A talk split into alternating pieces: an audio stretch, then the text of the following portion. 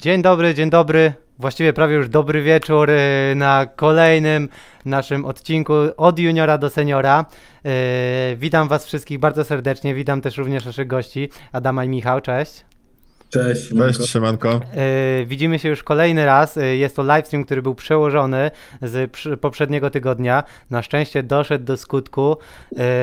Słuchajcie, mamy mnóstwo wiedzy przed sobą, więc y, nie ma co tutaj dłużej Was trzymać w niepewności. Ja przed fantastyczną prezentacją Adama i Michała, w której opowiedzą o pierwszych 90 y, dniach y, w roli właśnie mm, PM-a, chciałbym Wam ogłosić to, że mamy konkurs, czyli tak naprawdę jak w każdym naszym livestreamie możecie coś wygrać.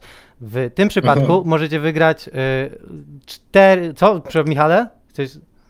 Nie, nie, okej, przepraszam. W tym odcinku możecie wygrać Chyba cztery... przestaliśmy cię słyszeć. Chyba Tak? Oliwiera nie słyszymy. Okej, Tak, przepraszam w jak my takim nie razie. Bo wy też możecie go nie słyszeć. Tak, tak, tak. Nie, nie, nie, spokojnie. Widziałem tutaj y, publiczność mnie słyszała, prawdopodobnie wy mnie nie słyszeliście. Mówiłem, że czeka nas fantastyczny webinar, w którym opowiecie o y, pierwszych 90 dniach w roli PMA. Ja natomiast y, przed tą prezentacją chciałbym ogłosić, że mamy konkurs, w ramach którego będziecie mogli wygrać cztery książki, które przygotowali dla was właśnie Michał i Adam. Y, tytuły tych książek możecie y, znaleźć w opisie wydarzenia. Niemniej, co do tego, w jaki sposób możecie wygrać te książki. Możecie wygrać te książki poprzez swoją aktywność. Wystarczy, że zadacie pytanie Michałowi i Adamowi, mm, a oni na końcu tego webinaru zdecydują, że te pytanie było najbardziej wnikliwe i albo najciekawsze y, z tych, które zostały zadane. Także zachęcamy do aktywności, jest o co grać. Mm, Na końcu prezentacji Adama i y, Michała zrobimy sobie sesję Q&A, w którym y, przekażemy wszystkie wasze pytania, rozwiejemy wasze wątpliwości i na samym końcu streama zrobimy sobie właśnie rozwiązanie tego konkursu. Także mówiłem nie przedłużać i przedłużyłem, także już nic tu po mnie. Michale, Adamie, zostawiam wam tutaj scenę. Powodzenia i widzimy się na sesji Q&A. Dzięki wielkie. Witamy Was wszystkich bardzo serdecznie. Cieszymy się, że możemy się z Wami już drugi raz zobaczyć tutaj e, we współpracy, przepraszam, z Just Join IT, żeby opowiedzieć Wam trochę, jak wygląda praca product managera, e, jak wygląda ta rola, po to też, żebyście mieli takie poczucie i przeświadczenie, że nawet jeżeli jeszcze nie jesteście w tej branży IT albo chcielibyście w jakiś sposób do tej branży IT wejść lub się przekwalifikować, to droga właśnie product managera, e, czy w ogóle osoby zespole produktowym jest dobrą drogą E, i będziemy chcieli Was do tego zainspirować i pokazać Wam, e, jakie wyzwania czekają na Was e, tym razem na samym początku Waszej pracy. Czyli wejdziemy w taki kontekst product managera, nowego product managera w organizacji, który musi tę swoją robotę ogarnąć, że tak powiem, w te pierwsze 90 dni. Ze mną jest Michał, siemanko Michał i razem opowiemy Wam dzisiaj właśnie o tym, e, jakie takie punkty powinniście przejść przez te pierwsze 90 dni, żeby dobrze tę pracę e, rozpocząć. To będzie nic innego jak taka praktyczna checklista, my to tak nazwaliśmy, tam będzie kilkadziesiąt punktów. E, Też te materiały, czyli te prezentacje, materiały dodatkowe do tej prezentacji e, na koniec będziecie mogli otrzymać, bo też taki link razem z ankietą na- koniec tej prezentacji Wam wyświetlimy, więc zachęcamy Was do tego, żeby zostać do samego końca, bo tam będzie możliwość uzyskania tych wszystkich materiałów plus materiałów dodatkowych, no i oczywiście, tak jak Oliver wspominał, e, wygrania e, nagrody e, w ramach naszego konkursu za najlepsze pytania. Więc tyle wstępu i wydaje mi się, że, że od razu lecimy, bo tych punktów mamy trochę i chcemy wejść z Wami w ten kontekst pracy w takim świeżej organizacji, świeżego product managera jak najgłębiej. Słuchajcie, zacznijmy. tak, no właśnie, kochani. Słuchajcie, tutaj e, pewnie widzieliście już nieraz tą, e, tą wizualizację, to jest nic innego jak krz- krzywa uczenia się. W każdym momencie, kiedy zaczynamy uczyć się czegoś nowego, czy to jest jakaś nowa umiejętność, czy to jest odnalezienie się w jakimś nowym miejscu, a w tym wypadku właśnie musimy się odnaleźć po prostu nowym, na nowym stanowisku, w nowej organizacji, w nowej pracy, no to zawsze będziemy przeżywać wzloty i upadki i gdzieś tam e, na początku czasami się nam wydaje, że już coś, już coś rozumiemy, a potem przychodzi taki gong i się okazuje, że kurczę, chyba jednak, jednak, jednak jeszcze, jeszcze tego tak nie rozumiemy, jakbyśmy chcieli, więc e, to na samym początku taka, taka, taka właśnie ważna dygresja, że żebyśmy zawsze do tego podchodzili tak zdroworozsądkowo, z otwartą głową, bo, bo będą jakieś zdarzały się sytuacje trudne, niekomfortowe i musimy wyjść z tego naszego takiego bezpiecznego, takiej bezpiecznej przystani. My z Adamem nieraz już mieliśmy okazję zaczynać nową pracę w roli właśnie product managera, czy w rolach podobnych, które właśnie wymagały tego, żeby być otwarty na to, że po prostu musimy tak trochę jak takie dzieci tam na początku zadawać proste pytania i, i powolutku, powolutku rzeczywiście tą wiedzę przyswajać,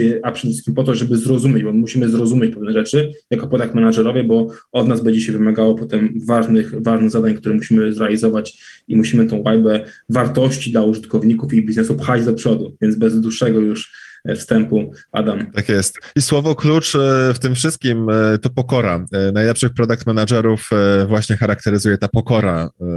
Tego dotyczy cały proces uczenia się, ale tego też dotyczy e, ta rola tak sensu stricte, no bo jednak trzeba w sposób taki pokorny podchodzić i do budowania produktu, i do kontaktu z klientem, i w ogóle do rynku, no bo po prostu nie zawsze nasze pomysły są tak rewelacyjne, jak nam się wydaje. To jest ważne, żeby o tym pamiętać w roli product managera. W ogóle dajcie nam znać na czacie, e, te osoby, które oglądają i na Facebooku, i na YouTubie, e, w jakiej wy teraz jesteście roli, to znaczy, czy, czy pracujecie już jako produktowcy, czy jesteście deweloperami? Powiedzcie nam, na jakich stanowiskach teraz teraz pracujecie. Też będziemy na to zerkać i być może trochę dostosujemy te historie, które będziemy opowiadać, do tego, jakie wy macie doświadczenie, żeby wam to też troszeczkę bardziej uplastycznić. Więc jeżeli jesteście, dajcie znać na czacie, napiszcie nam, e, na jakich stanowiskach teraz pracujecie. E, to nam też mega pomoże, żeby te narracje dzisiaj budować. E, podzieliliśmy E, tak, podzieliliśmy. Ulubione pytanie, Adam, dodam też szybciutko. Tak. Dlaczego dzisiaj tu z nami jesteście? Dajcie znać właśnie, e, z jakiego powodu się tu znaleźliście, bo to jest zawsze bardzo ciekawe dla nas również, nie tylko skąd przychodzicie, ale też dlaczego tutaj dzisiaj, co tu dla Was możemy fajnego dzisiaj Wam e, przedstawić. Sorki, tak Adam, tak tak, to dzisiaj, o co dzisiaj przekrojowo? O czym dzisiaj? E, przekrojowo, dokładnie. Podzieliliśmy te 90 dni w roli product managera na kilka takich obszarów e, pracy z ludźmi, pracy w firmie, pracy przy produkcie, którymi trzeba się zająć. Każdy z tych obszarów e, będzie miał taką swoją własną checklistę rzeczy, które naszym zdaniem warto zrobić, które my e, staramy się robić, czy robiliśmy właśnie w takiej roli. E, opowiemy trochę o swoich doświadczeniach, opowiemy o swoich fakapach, po to, żebyście wy e, tych fakapów nie popełnili, albo po prostu przynajmniej wiedzieli, jak sobie z nimi poradzić, kiedy wystąpią. Więc przede wszystkim zaczniemy od tego, co zrobić, żeby dobrze poznać ludzi w swoim zespole, ale też w innych zespołach, jak poznać organizację, do której przychodzimy, jak dowiedzieć się wszystkiego o naszych klientach, o użytkownikach naszych produktów, jak zakochać się w problemie, który chcemy rozwiązać, jak najlepiej poznać produkt, do którego przychodzimy i w jaki sposób poznać rynek i konkurencję. Nie przedłużając, zacznijmy. Zespół. Absolutnie najważniejsza rzecz. Nieprzypadkowo ona jest na samym początku, e, no bo ten product management to tak się mówi, że teoretycznie zarządza się produktem. O tym też wspominaliśmy na tym pierwszym webinarze, ale tak naprawdę chodzi o to, żeby zbudować fajny zespół wokół siebie, który będzie nad tym produktem pracował. Więc absolutnie taką pierwszą rzeczą, e, jeszcze w kontekście tego zespołu, ale to jest ten moment, kiedy my przychodzimy do pracy, to jest wypracowanie właśnie ze swoim przełożonym, czyli takim menadżerem, osobą, która jest gdzieś tam nad nami w organizacji, własnego planu działania na te pierwsze dni pracy w organizacji, bo może się okazać, że już ktoś jakiś ten plan dla nas ma, ma jakieś swoje sugestie i chciałby nam je e, też w jakiś praktyczny sposób przekazać. Tak, znając te, te, te cele, ustalając te cele z, z, naszym szefem przełożonym, e, będziemy czuć się po prostu bezpiecznie, będziemy wiedzieć, jakby, jakie są wobec nas oczekiwania, jakie te oczekiwania sobie ustaliśmy z naszym, z naszym szefem e, wobec nas, w tym właśnie wstępnym, w e, pierwszym okresie tych trzech, około trzech miesięcy pracy e, w, tej, w tej właśnie roli dla nas nowej. Mm, więc to jest, to jest mega ważne, bo dzięki temu, że znamy oczekiwania, wiemy jakby do czego dążymy, jaki, chcemy osiągnąć rezultat po tych trzech miesiącach, będzie nam prościej nawigować po masie informacji, masie ludzi, z którymi się musimy spotkać e, i będziemy w stanie się skupić na tym, co będzie dla nas po prostu ważne w tym momencie, na ten właśnie okres pierwszy tych trzech miesięcy e, w tej roli. W tej roli, dokładnie tak y, ultra ważna rzecz, którą polecamy zrobić na samym początku i też często to robiliśmy, to jest kiedy przychodzimy do organizacji. Słuchajcie, warto umówić spotkania takie one-on-one, jeden na jeden e, z członkami naszego zespołu produktowego. To jest ultra istotne po, po to, żeby już na samym początku poznać tych ludzi, ale w takim właśnie trybie jeden na jeden takich spotkań osobistych, nie tylko takich cyklicznych spotkań, które w organizacji są, są jakby tworzone, czy które regularnie są organizowane. Takie spotkania jeden na jeden pozwalają po pierwsze lepiej się poznać, już budować e, relacje, zaufanie na tej stopie za, e, zawodowej, być może też za chwilę na stopie prywatnej będziemy o tym też mówić, że czasami takie spotkania nawet poza e, naszą firmą, tak, czy poza organizacją są istotne do budowania tego zaufania, bo jakby dzisiaj, kiedy budujemy szczególnie produkty cyfrowe w bardzo zmiennym świecie, w trudnych warunkach otoczenia, z dużą konkurencją, no to ci ludzie są dla nas najważniejsi. To, żebyśmy my byli tymi, powiedzmy, marynarzami na tym jednym statku i siebie cały czas e, wspierali. Dokładnie. Tu dodam tylko tyle, że y, zdecydowanie, żebyście nie zajechali w tak zwanej ręcznej robótce z umawianiem tych spotkań, możecie użyć chociażby kalendli, które bardzo fajnie Wam pomoże ustawić właśnie sloty i będzie zintegrowane z Waszym kalendarzem i wystarczy tylko, że wyślecie ten link do osoby, która, z którą chcecie porozmawiać i ona znajdzie sobie termin dobry dla Was i automatycznie stworzycie sobie e, taki termin e, już właśnie w kalendarzu. Jeśli jeszcze jesteście online, pracujecie zdalnie, no to od razu możecie Zoomika czy Meeta pod, podpiąć i oczywiście rekomendujemy, żebyście spotykali się twarzą w twarz, jeśli, jest taka możliwość, ale jeśli takiej możliwości nie ma, jak najbardziej to spotkanie zoomowe też daje radę w tym naszym świecie. Mhm covidowe. Mieliśmy tak, do, do, doświadczenie jakby i z tymi spotkaniami w firmie, w organizacjach, kiedy działaliśmy tylko offline, tak? E, I wtedy takie omawianie e, tych, tych spotkań face to face i poznawanie tych ludzi w zespole było e, na pewno w jakiś sposób łatwiejsze, bo jednak te relacje budowane w taki osobisty sposób są przynajmniej póki co, tak widzimy, trwalsze i bliższe, ale nie ma problemu, żeby robić to też właśnie na takich spotkaniach online'owych i kiedy przyjdzie taka okazja, to żeby jednak spotkać spotykać się też zespołowo. E, mamy takie doświadczenia zespołów, które powstawały w czasach covidowych, były budowane już ty, e, w tych czasach, zespołów produktowych i po jakimś czasie dochodziło do, do, do integracji tego zespołu, czy spotkania takiego na żywo, nawet e, w kontekście przeprowadzenia jakiegoś szkolenia produktowego, co było mega formą integracji. Mieliśmy okazję też takie szkolenia prowadzić i widzieć, jak zespoły po raz pierwszy widzą się w całości na żywo, jaką to dawało wartość, więc super ultra to polecamy, e, no bo też chodzi o, o budowanie tej relacji i zdobywania zaufania w zespole, e, również w taki nieformalny sposób. Jesteśmy fanami tego, żeby na to takie przysłowiowe czy przykładowe piwo taki zespół zabrać, przynajmniej raz na jakiś czas, kiedy jesteśmy szefami takiego zespołu produktowego czy członkami takiego zespołu produktowego, po to, żeby sobie pogadać, poznać swój background, też taki zawodowy i niezawodowy, no bo to są te, te relacje i to, to zaufanie. Czasami na takich spotkaniach nagle dowiadujemy się, że ktoś ma niesamowite, e, ciekawe doświadczenie, którego na przykład nie wykorzystuje e, teraz w tej organizacji zawodowo, ale jest ono na tyle fajne, na tyle ciekawe, że może nam pomóc rozwijać produkty w jakiś inny, niecodzienny sposób, albo e, jest to tak cenne doświadczenie, że po prostu warto je poznać jako product managerowie musimy budować to zaufanie i w zespole, i w stosunku do naszych potem szefów, stakeholderów, no bo gdzieś tam będziemy próbowali podejmować decyzje, czy też rekomendować pewne działania e, i muszą nam ludzie ufać, tak? I wewnętrznie, jeśli czujemy, że zespół jest z nami, stoi za nami, no to zawsze jest to, zawsze to jest budujące i dla nas dobre i, i, i dzięki temu czujemy się pewniej, jeśli wychodzimy z jakimiś pomysłami, jeśli mamy jakieś inicjatywy, a tego będzie od nas wymagała to praca product managera, jak pewnie już wiecie, żeby rzeczywiście gdzieś tą, tą, tą łajbą z wartości sterować, więc, więc to są te, te, te dobre właśnie praktyki, które gdzieś tam Wam polecamy. Pójdźcie na piwko, jeśli nie, nie możecie, zróbcie sobie jak najbardziej spotkanie też e, na, na, na, na, na jakimś Zoomie, na jakimś hangoucie, gdziekolwiek. Są różne fajne sposoby, żeby poznać się lepiej, tak zwane te speed dating, gdzie możemy, są generatory różnych pytań, e, gdzie chciałbyś, co byś zabrał na bezludną wyspę, jaki jest twój ulubiony kolor, jakim zwierzęciem byś był, była, tego typu pytania, które pomagają się trochę otworzyć, poznać się lepiej, E, z uśmiechem na twarzy, bo tego potrzebujemy, żeby ludzie zobaczyli nas człowieka, zobaczyli nas też osobę, która ma jakiś, jakiś bagaż doświadczeń i żebyśmy my też te inne osoby mogli lepiej poznać i wiedzieć, czego możemy się po sobie po prostu spodziewać w tej pracy codziennej, bo będziemy tak, z tymi osobami spędzać mnóstwo czasu. Niektórzy nie lubią oczywiście budować takich relacji pozazawodowych, ale e, z naszego doświadczenia i my będziemy się tego trzymać, to jest nasze zdanie i raczej e, póki co ono się, ono się nie zmienia. Te relacje również pozazawodowe w przypadku zespołów produktowych, które które naprawdę są multidyscyplinarnymi zespołami, które potrzebują tego wspólnego zaufania i takiego poczucia, że my idziemy w dobrym kierunku e, razem, e, znamy swoje cele i jakby w ogóle możemy się, że tak powiem, wspierać i, i, i jakby każdy za każdego może w organizacji walczyć po to, żeby jakby dojść do tego naszego celu wspólnego, będą bardzo, bardzo istotne. W startupach, w innowacyjnych firmach bez tego jest po prostu bardzo, bardzo trudno, a o takich firmach raczej myślimy, o takich organizacjach. Pewnie w strukturach korporacyjnych to może wyglądać troszeczkę inaczej, ale my y, jakby cenimy sobie te relacje też prywatne.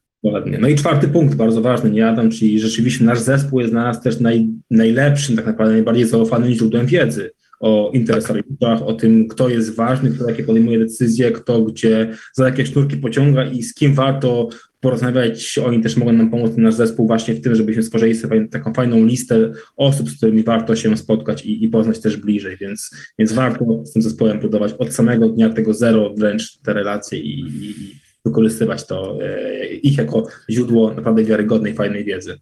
Wszyscy musimy grać do jednej bramki, ale taka właśnie, e, właściwie tu nie, nie, ma żadnego ale, po prostu taka sytuacja, w której my kogoś dobrze poznajemy, czy mamy już takie większe zaufanie w zespole, tych osób z naszego zespołu, to jest szansa na to, żeby rzeczywiście dowiedzieć się, jak ta organizacja od wewnątrz naprawdę wygląda. E, mówiąc naprawdę wygląda, no często ta fasada, e, która jeszcze nie została zburzona, bo my dopiero przyszliśmy i widzimy, e, jak organizacja wygląda na takich cyklicznych spotkaniach, czy jak, jak wyglądają pewne procesy, ale no jakby są też takie insighty, które e, nie są oczywiste i których nie widać na pierwszy rzut oka. Na przykład, kto podejmuje realnie decyzje w organizacji, jak wygląda też taka trochę polityka w tej organizacji, za chwilę też o tym będziemy mówić.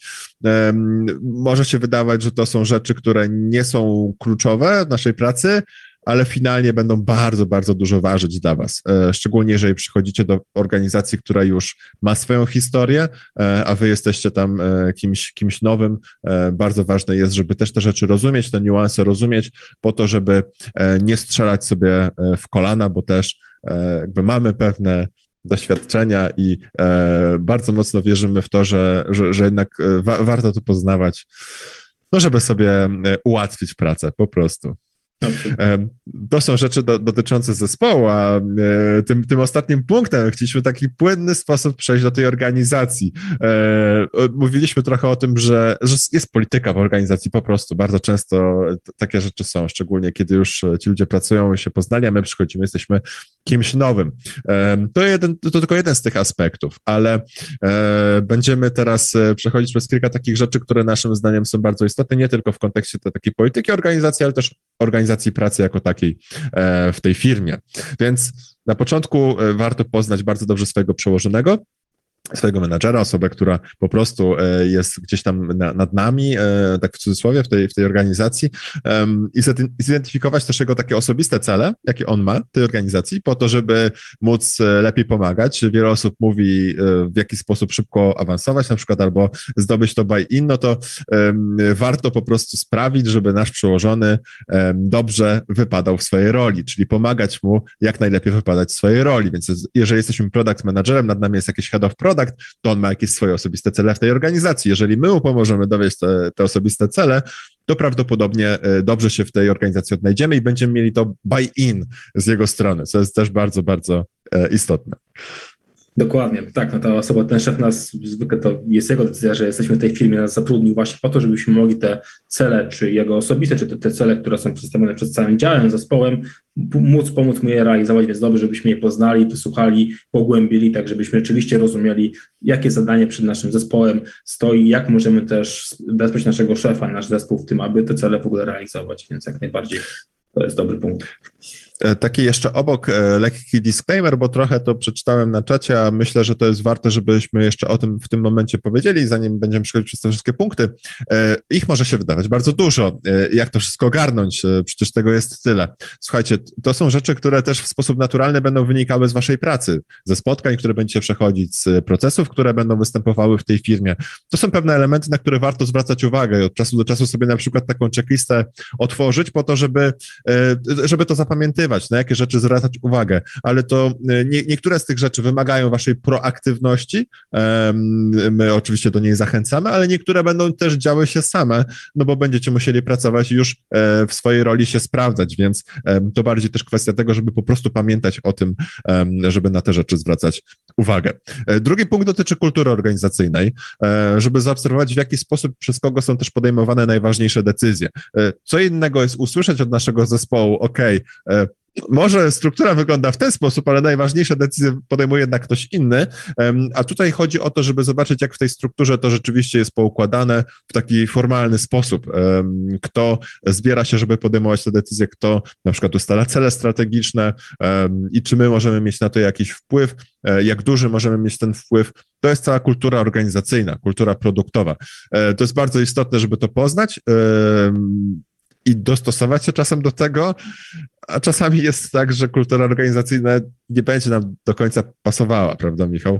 No dokładnie, tak. To jest mega ważny punkt i, i od niego zależy, jak potem poradzimy sobie w tej, w tej, w tej firmie, w danym miejscu, tak? No bo to jest to, jak podejmujemy decyzje, to jest też to, czy jesteśmy, czy możemy i, i, i gdzieś tam chwali się to, że się szuka, że się, nie wiem, pewne rzeczy podważa, bo chcemy znaleźć lepsze rozwiązania, tak? Czasami jest to mile widziane, czasami nie jest to mile widziane, jak są widziane porażki, które będą się zdarzały, czy jakieś fejle, które, które, które gdzieś tam się nam zdarzą, na przykład w jakichś eksperymentach, czy to jest w ogóle coś, co, co jest wymagane, co jest dobrze widziane, czy to jest coś, co raczej ludzie gdzieś tam ukrywają, nie, nie są tego pokazywać, więc to jest mega ważne, żebyśmy wiedzieli, w jakim miejscu jesteśmy mm, i, i w jaką grę właśnie gramy, tak, w jaką grę gramy, jak, jak budujemy tą wartość, jakie są zwyczaje w tej firmie, tak, żeby, żeby się gdzieś tam wpasować, albo żeby mieć tą wiedzę, ale potem móc też na przykład jakieś, nie wiem, właśnie inicjatywy tworzyć, żeby zmienić jakieś rzeczy, tak? W przyszłości musimy to dobrze poznać, musimy to zrozumieć, jak to ważne, jak, jak, jak to działa e, i, i w którą stronę warto po prostu e, pójść e, w przyszłości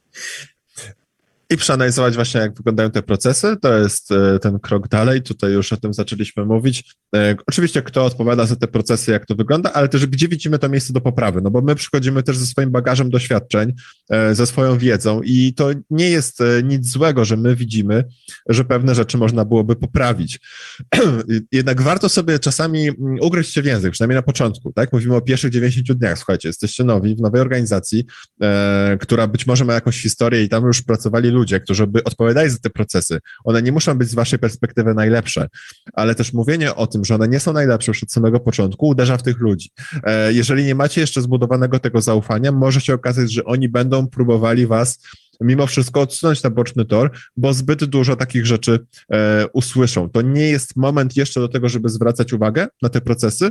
E, to jest moment, żeby je zrozumieć, żeby zobaczyć, gdzie jest to pole do poprawy i być może jakimiś małymi krokami e, spróbować pomóc w ulepszeniu ich, ale nie krytykować od samego początku tych procesów, nawet jeżeli wydaje nam się, że one są bezsensowne, czy że coś nie działa tak, jak powinno. Um, tak, nie trzeba od razu wkraczać. Nie? Tak, pierwsze 30 dni szczególnie to jest taki moment, kiedy my jesteśmy takimi obserwatorami tak? Staramy się chłonąć, patrzeć, obserwować, dopytywać, żeby zrozumieć, tak? To jeszcze nie jest moment, kiedy my musimy planować zmiany, kiedy my powinniśmy też e, zbyt wcześnie może właśnie krytykować pewne rzeczy, tak? No bo, no bo to może być odebrane, tak? A jeśli właśnie postaramy się być takim jednym wielkim uchem i okiem, to to jest dla nas bardzo dobra droga do tego, żeby później móc rzeczywiście sprawdzić, czasami nam się wydaje powierzchownie, że coś jest nie tak, a jak wejdziemy głębiej w temat, to się okazuje, że jest wiele powiązań, których wcześniej nie widzieliśmy, więc zbyt szybkie podejmowanie jakby jakichś decyzji czy jakichś wniosków no, może, być, może być dla nas niekoniecznie dobre. Także, także absolutnie E, patrzmy, mhm. analizujmy, zadajmy właśnie dobre pytania, żeby pogłębiać to jest, to jest ta pokora, bo te zależności mogą dotyczyć organizacji, mogą dotyczyć produktu, biznesu jako takiego. Jest tego sporo i może się okazać, że rzeczywiście no nie, jakby nie rozumiemy od samego początku tego tak na 100%. Widzimy lukę na przykład przy e, jakby samemu projektowaniu na przykład wartości produktu, tak, ale, e, ale tam są na przykład powiązania jeszcze z biznesem, z jakąś wykonalnością, z innymi elementami. Póki tego dokładnie nie zrozumiemy, nie zobaczymy wszystkich ryzyk, czy tego, co już organizacja przepracowała, e, co nam się wydaje, że teraz odkryliśmy coś niesamowitego, a to już zostało tak naprawdę wcześniej przepracowane, tylko, tylko my jeszcze o tym nie wiemy, bo jest dla nas za wcześnie. To jest tak e, góry lodowej, nie? gdzie widzimy na pływającą na, na, na powierzchni tylko fragment, a, a pod spodem może się kryć prawdziwe monstrum, które trzeba zależności procesów i innych jakichś naleciałości, które trzeba po prostu odkryć, zrozumieć, żeby po prostu tą zmianę jakąś potem mądrą wprowadzić. No właśnie. Warto też poznać te misje i wartości, którymi kierują się pracownicy, czy w ogóle cała organizacja. E, I teraz e, taki disclaimer, czasami tego nie ma. Nie? Jakby to, to, to jest normalne, że to, nie, to, to może nie zostać spisane, tak? Nie zostało to nigdy spisane. Nie ma tej misji, wartości w formie jakiegoś manifestu, czy, czy, czy, czy takiego mission statement po prostu, który wisi na stronie, e, albo jest dostępny dla każdego w naszej organizacji. Tu chodzi też o takie rzeczy, które gdzieś wybrzmiewają między wierszami. To jest obserwowanie wśród pracowników, ale przede wszystkim też wśród kadry zarządzającej, czy zarządu, czy najważniejszych stakeholderów, e, jaka jest ta misja, to znaczy, co w ogóle e, stało za powstaniem produktu, firmy, organizacji, jaki był ten, ten początek. E, ważne jest, żeby to dobrze zrozumieć i żeby potem to próbować w jakiś sposób po swojemu też czasami definiować w ramach produktu, po to, żeby też widzieć e, i żeby to było takim drogowskazem, żeby to, co robimy, naprawdę prowadziło do tej misji. E, tutaj jakby uwierzcie nam na słowo, ale też mamy takie doświadczenia. Jeżeli ta misja jest dobrze zdefiniowana, my ją zrozumiemy, pokochamy ją, e, weźmiemy ją sobie do serca i potem budujemy produkt i mówimy, OK, słuchajcie, być może nie warto tego robić, bo to się nie zgadza z tą naszą misją to to może zostać naprawdę docenione, że my się z tą misją identyfikujemy, rozumiemy ją i potrafimy też egzekwować realizację tej misji. No, powiedziałeś ważne słowo, Adam, czyli właśnie rozumiemy ją. Nie? Bo często jest tak, że jakby podejmując decyzję, czy przejdziemy do jakiejś firmy, my poznajemy tą misję tak właśnie ze strony, widzimy jakieś wartości, ale teraz jest ten moment, kiedy my musimy, jak dołączamy do tej organizacji, rzeczywiście zobaczyć, jak to w praktyce wygląda, jak te wartości w praktyce są wykorzystywane, czy też może nie są wykorzystywane i jak to rzeczywiście wygląda na co dzień w tej pracy, jak to się w niej odzwierciedla odzwierciedla, więc stąd bardzo mm, polecamy, aby rzeczywiście zrozumieć, jak ten, ta misja i te wartości wpływają na tą pracę i, i co one oznaczają dla nas w praktyce.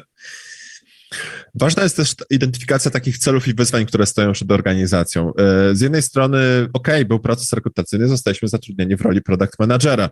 To jest związane z pewnymi wyzwaniami i z celami, które ma przed sobą organizacja. Raczej nikt nie zatrudnia, bo po prostu, o, wymyśliliśmy sobie, że chcemy mieć nowego product managera. No nie, no to jest jakiś plan e, organizacji firmy, jest jakaś potrzeba, żeby taka osoba e, w tej organizacji była. My musimy dobrze zrozumieć, dlaczego my tam tak naprawdę jesteśmy, jakie są te największe cele i wyzwania i jak jak my możemy pomóc e, je zrealizować. E, no też często spotykamy się z tym, że ok, no jakby trafiliśmy do jakiejś firmy, jesteśmy już tymi product managerem e, i mamy robić to, co robi product manager, ale słuchajcie, poznanie tego, co stoi w ogóle za tym, że my tam jesteśmy, że to jesteśmy akurat my też ze swoimi kompetencjami, ze swoją wiedzą, ze swoim doświadczeniem, to będzie kluczowe, żeby zrobić taką inżynierię wsteczną, żeby spróbować te rzeczy odtworzyć albo poznać te cele tak wprost, pytać pytając o to, jakie one teraz największe e, są. E, I to tak wysokopoziomowo, no bo my będziemy mieli cele związane z budową produktu, ale tam też jeszcze wyżej są jakieś cele biznesowe, cele całej organizacji.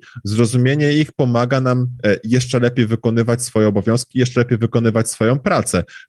Jakby nie warto tego pomijać, naprawdę. Absolutnie. Lepiej poznacie te, te cele, mam na myśli poznacie, to jest nie tylko usłyszycie jakiś fajnie brzmiący motywacyjny cel, ale musicie zrozumieć, jak jak mierzymy sukces, jak mierzymy, czy te cele zostały zrealizowane, jakie są miary tego sukcesu, tak? Czy, czy jakby mamy cel pod tytułem wprowadzenie nowego produktu na rynek polski, to teraz jak zmierzymy, że nam się udało? Czy to jest pozyskanie tysiąc klientów, czy to jest pozyskanie 10 tysięcy klientów, żebyśmy od razu mogli to jakoś, wiecie, zbadać, y, jakoś osadzić, wtedy będziemy rzeczywiście rozumieli te cele, które są przed naszą organizacją postawione i potem, które my też przytulimy potem już w ramach naszych celów indywidualnych, czy celów tych zespołów, w których będziemy pracowali które w zespole będziemy organizować i realizować e, z jakimś rytmem tej pracy.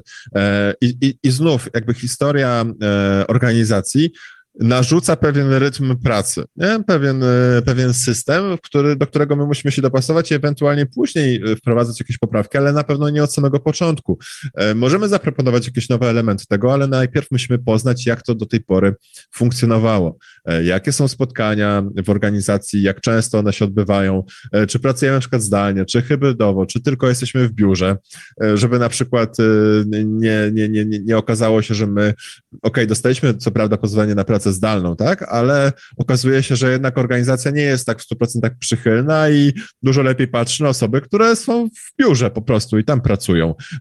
Poznanie tego i, i dopasowanie się, przynajmniej w tym pierwszym okresie, będzie bardzo istotne, żeby zdobyć zaufanie innych ludzi. E, my też rekomendujemy, ok, jeżeli mamy pracę hybrydową, możemy być z ludźmi naprawdę w jednym miejscu, y, jakby jesteśmy fanami pracy zdalnej, ale z, taką, z, taką, z takim małym disclaimerem, że jednak na początku, jeżeli mamy możliwość być z tymi ludźmi blisko, nawet siedzieć w jednym pokoju, w jednym pomieszczeniu, to to jest naprawdę niesamowite, e, pcha do przodu e, pracę, szczególnie nad innowacyjnymi, innowacyjnymi tak, projektami.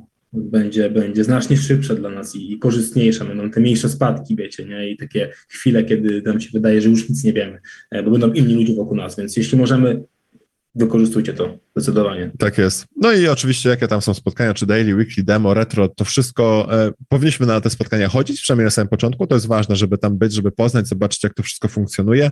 Nie musimy być fanami spotkań, e, to bardziej chodzi o to, żeby dobrze się wpasować w organizację, zdobyć zaufanie ludzi i pokazać, że jesteśmy zaangażowani w te procesy e, i potem ewentualnie próbować to jakoś e, zmieniać bardziej na kulturę taką, którą my e, chcemy reprezentować naszym zespołem, ale przynajmniej na samym początku polecamy chodzić na te spotkania i poznawać tych ludzi, zobaczyć, jak to wygląda od środka.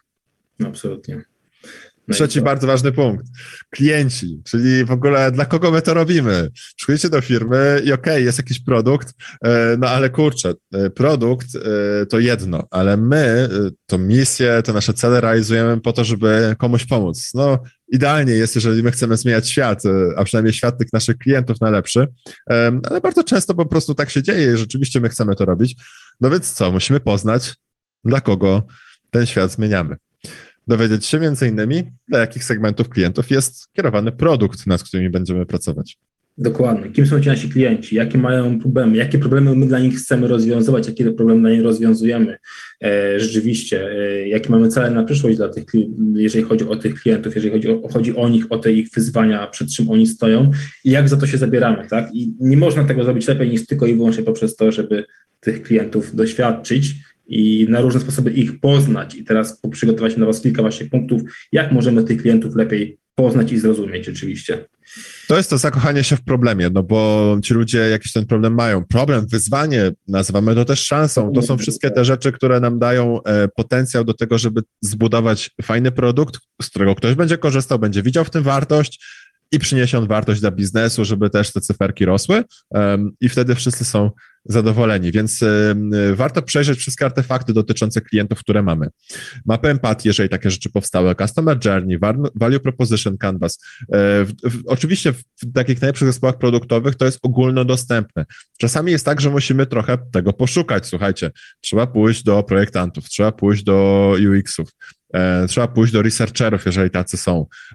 Trzeba często tych rzeczy poszukać. Być może one nie są takie ogólnodostępne, ale coś takiego było prowadzone, czy w dziale marketingu, marketingu, ale próbować znaleźć te artefakty, tę wiedzę dotyczącą naszych klientów, użytkowników, bo to jest dla nas mega, mega istotne, żebyśmy my jak najlepiej ich poznali. To jest taki w ogóle pierwszy krok, to jest taka wiedza zastana. My te rzeczy powinniśmy gdzieś tam w organizacji mieć. Jeżeli tego nie ma, no to to jest taka lampka, taki sygnał, który oczywiście nie oznacza, że nie wiem, produkt jest do niczego i że nie powinno nas tam być, ale to jest taka lampka być może do tego, żeby jeszcze głębiej pokopać, poszukać, popytać tych ludzi. Jeżeli dalej tego nie będzie, no to zacząć to opracowywać, co będzie mega też wartością na samym początku. Dokładnie, bo my musimy stać się de facto takimi lekarzami, którzy są w stanie zrozumieć naszych klientów, e, zdiagnozować te ich problemy, no i później oczywiście co, no nic innego jak budować rozwiązania, które będą im pomagały, realnie pomagały w, w tych problemach, wyzwaniach, do które jakby ponad do nas przychodzą, po które do nas przychodzą, żebyśmy im rzeczywiście w nich pomogli. Więc, więc ten punkt i te dwa kolejne, które tu mamy, Adam, prawda, czyli te związane z tym, żeby szukać tego, co już mamy w firmie, czy to są wnioski, czy to są jakieś badania, czy są ludzie, którzy te badania prowadzą, e, różnego rodzaju raporty, tak, żeby to wiedzę o o tych użytkownikach, o tych naszych klientach. Czasami mamy kilka różnych e, rzeczywiście typów klientów, tak? Inne osoby kupują nasz produkt, inne osoby z niego korzystają. Ważne jest, żebyśmy zrozumieli to, mm, tą mapę właśnie powiązań, mapę tego, jak to wszystko działa, jak, to, jak ta wartość tam przepływa e, w ramach, w, ramach, w ramach tego naszego ekosystemu produktowego czy, czy firmowego. Musimy być po prostu klientocentryczni. Tak się teraz buduje produkty. My musimy być skupieni na tych użytkownikach, na tych klientach, bo w inny sposób nie zdobędziemy przewagi rynkowej. E, I to product manager jest tą osobą, która jest odpowiedzialna za ten problem, czyli za tych klientów. E, nikt inny, serio, to jesteście wy, jeżeli będziecie pełnili tę rolę. E, wy musicie być świadomi tego, e, co robicie i dla kogo to robicie. No i oczywiście życzymy wam tego, żebyście trafiali do organizacji, które mają te wnioski, obserwacje właśnie z badań z użytkownikami, że te badania już tam są prowadzone i że ta wiedza już tam w tej organizacji jest. Jakby ba bardzo trzymamy kciuki, żebyście tylko do takich organizacji trafiali. Absolutnie tak, dokładnie. Okay. E, no i właśnie, jaki problem klientów rozwiązuje produkt? Taka prosta rzecz, ale, ale naprawdę spotykamy się z tym, że product managerowie czy, czy różni stakeholderzy, kiedy, kiedy wpadamy do jakiejś organizacji, to kiedy pytamy ich w taki bardzo prosty sposób, takim prostym pytaniem, chcemy się dowiedzieć, jaki ten problem jest rozwiązywany, to oni nie mają takiej prostej odpowiedzi. E, I teraz pytanie, dlaczego? No, albo ten problem jest bardzo skomplikowany, albo my tego zbyt dobrze nie zdefiniowaliśmy. Może w ogóle nigdy to nie zostało tak do końca zdefiniowane, bo po prostu budujemy coś, co wydaje nam się słuszne, e, ale nie zostało jeszcze potwierdzone. E, słuchajcie, to może się wydawać mega proste, ale serio, przyjdźcie do organizacji. Myślę, że w ciągu pierwszych 30 dni powinniście umieć w prosty, konkretny sposób odpowiedzieć na to pytanie. A żeby się dowiedzieć, jaki ten problem rozwiązujecie, e, być może będziecie musieli odbyć e, kilka, kilkanaście rozmów, spotkań, e, przejrzenia artefaktów, po to, żeby mieć tę prostą odpowiedź.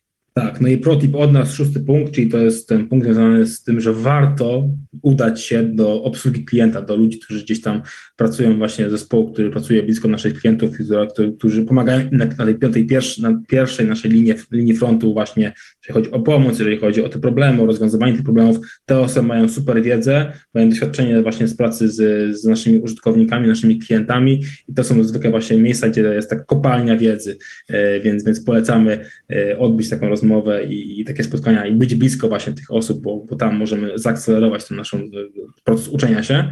No i co, Adam? Najważniejsze. No i porozmawiać przynajmniej z jednym klientem tygodniowo. To y, mówi o tym na przykład Teresa Torres, która jest taką e, dobrą orędowniczką Product Discovery. My też takimi orędownikami Product Discovery jesteśmy, czyli tego, żeby odkrywać cały czas, e, jak minimalizować ryzyko zbudowania czegoś, czego nikt nie będzie chciał i jednocześnie maksymalizować takie szanse e, produktowe zbudowania czegoś rewelacyjnego dla naszych klientów. I nie ma lepszego sposobu na to, żeby to odkryć, niż rozmawiając z tymi klientami.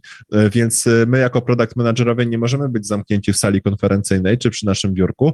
My musimy być tymi osobami, które wychodzą do tego klienta i przynajmniej jedną taką rozmowę z klientem odbywają, a w procesie badawczym, jeżeli mamy takie procesy zaprojekt, y, zaplanowane, no to tych rozmów jest nawet i dużo, dużo więcej.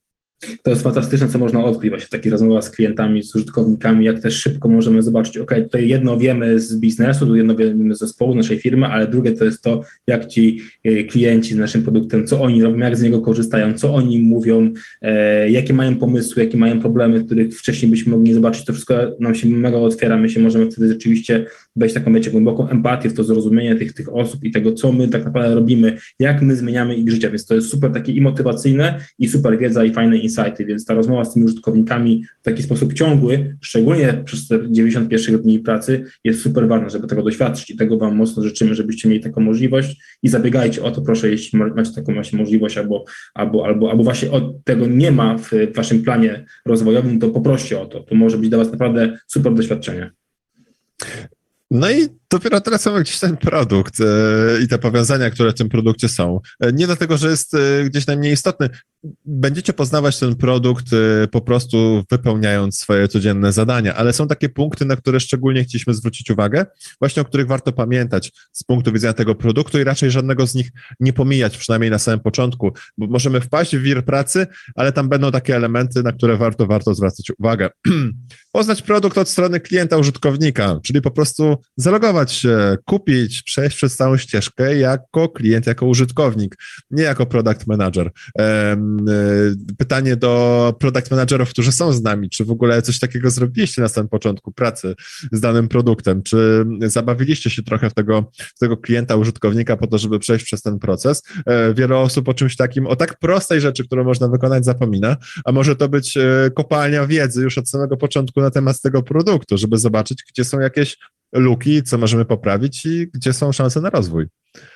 Absolutnie, absolutnie tak i, i, i tego i, i, to Wam rekomendujemy zrobić. E, tak samo jak właśnie to, o czym też już wcześniej wspominaliśmy, czyli ten drugi nasz punkt, czyli dokumentacja. Mamy często dokumentację, która, która już istnieje o produkcie. Jeśli jest aktualna, warto to sprawdzić, to, to wówczas rzeczywiście to może być fajne źródło wiedzy o tym, jaki mamy stack technologiczny, z czego korzystamy, z czego to się wzięło, e, jak, jak to wszystko działa, jakie mamy połączenia, jak to środowisko jest zbudowane, tak, możemy to zrobić sami, możemy to zrobić razem z e, jakimś tech leadem, jakimś de de deweloperem, tak, czyli z UX-em, żeby lepiej to zrozumieć. E, o, dokładnie tak, nasz trzeci punkt zresztą, żeby tak. tę technologię zrozumieć, skąd co się bierze i jak to działa i, i skąd to przyszło, tak, bo to jest mega ważne, żebyśmy to też rozumieli e, od tej strony takiej historycznej i tej strony technologicznej, jak to powstało, ten nasz produkt, na czym go rozwijamy i dlaczego tak, a nie inaczej to wygląda tym momencie. Nawet wysokopoziomowo nie musicie mieć super wiedzy technologicznej, domenowej. E, często jako product manager wiemy, tej wiedzy nie mamy, ale mamy właśnie po to tech leada, deweloperów, e, e, czasami jakiegoś product ownera jeszcze w tej organizacji, który będzie miał większą wiedzę taką typowo technologiczną, czy, czy tak pod kątem zarządzania już developmentem tego produktu. Ważne jest, żeby tak wysokopoziomowo to rozumieć w ogóle, z jakiej my technologii korzystamy, żeby też jakby widzieć te szanse na rozwój, tak, żeby umieć rozmawiać z naszym zespołem deweloperskim. Będzie to mega, mega istotne. Kolejna rzecz to zapoznanie się z roadmapą i takim aktualnym backlogiem, żeby zobaczyć, co tam jest, co było planowane, e, jak wyglądały te plany na najbliższy rozwój. Być może jakieś tam korekty trzeba będzie wprowadzić. E, czy od samego początku? No niekoniecznie. Mówimy o tym, musicie poznać ten produkt, zastanowić się, jak on działa, e, widzieć te wszystkie zależności. Jeszcze tutaj być może nie robić jakiegoś disruption z roadmapą i backlogiem, nawet jak widzicie, jeżeli może coś pójść inaczej, ale naprawdę poznać te wszystkie elementy i dopiero później próbować to aktualizować, próbować to zmieniać, wdrażać tam po kolei swoje rzeczy, e, tak żeby stopniowo, stopniowo przechodzić na taki swój własny styl e, dewelopowania tego produktu e, razem właśnie z zespołem wytwórczym. Ale na początku musicie głęboko też zrozumieć, dlaczego ta roadmapa tak wygląda, jak wygląda, dlaczego ten backlog tak wygląda, jak wygląda w tym momencie, kto podejmował te decyzje, bo tam też mogą być ciekawe insighty, ciekawe historie. Absolutnie. No i co? Metryki. Metryki. Nasz ulubiony punkt, Adam, co jeden z, bardziej ulubionych. Dlaczego? Tak. Dlatego, że my przychodzimy po to, żeby osiągnąć sukces. Chcemy budować fajny produkt, który ludzie, z którego ludzie chcą korzystać, który ludzie chcą kupować, dzięki czemu nasz biznes rośnie. Musimy umieć mierzyć ważne rzeczy w tym produkcie, te, które pokazują, że idziemy w dobrym kierunku, stąd właśnie dobrze jest te metryki produktowe poznać. Czasami one będą przygotowane, będzie już to wszystko dla nas przygotowane, więc to zapoznamy się z tym, a czasami może być tak, że te metryki nie będą dobrze ułożone i będziemy musieli w ogóle sprawdzić, jak to wygląda, podpytać i samemu zidentyfikować te najważniejsze metryki, na które powinniśmy patrzeć, aby osiągnąć ten długotrwały sukces z naszym produktem. To są te obiektywne rzeczy, które mówią nam, czy my idziemy w dobrym kierunku z rozwojem produktu. E, oczywiście mamy dane różnego rodzaju jakościowe, ale mamy też te dane ilościowe, które będą e, wynikały z tych metryk, tak? E, jakiś metryk retencji, czyli powracalności użytkowników, mega istotne, szczególnie jeżeli mówimy o produktach cyfrowych, e, gdzie koszt pozyskania takich użytkowników jest duży. E, to są jakieś metryki tak zwane pirackie, które układają się w pewien rodzaj lejka, e, czyli patrzymy, ile osób nie wiem, pozyskujemy, ile osób przechodzi przez nasz produkt, ile osób e, aktywuje się, czyli dochodzi do takiego momentu, aha, wow, kiedy doświadcza prawdziwej wartości płynącej z użytkowania tego produktu. Mamy różne rodzaje metryk. Warto jest popracować tutaj z e, analitykiem na przykład, żeby dostać chociażby taki dashboard analityczny albo stworzyć sobie taki dashboard, który będziemy mogli obserwować, patrzeć, jak te metryki się zmieniają i w jaki sposób to, jak pracujemy nad produktem, wpływa na zmianę tych metryk. E, w ogóle to, co my polecamy, to zbudować sobie taki dashboard, od samego początku, poprosić analityka o to i go wyświetlać gdzieś w jakimś takim miejscu, które, um, które jest stale dostępne dla e, zespołu produktowego. E, to jest mega fajne, inspirujące, jeżeli możemy, nie wiem, mamy jakiś telewizor albo jakiś monitor, e, na którym możemy w czasie rzeczywistym pokazywać, jak niektóre z tych metryk się zmieniają dla naszych użytkowników, żeby inspirować nasz zespół do tego, e, żeby pracować nad zmianą ich na lepsze.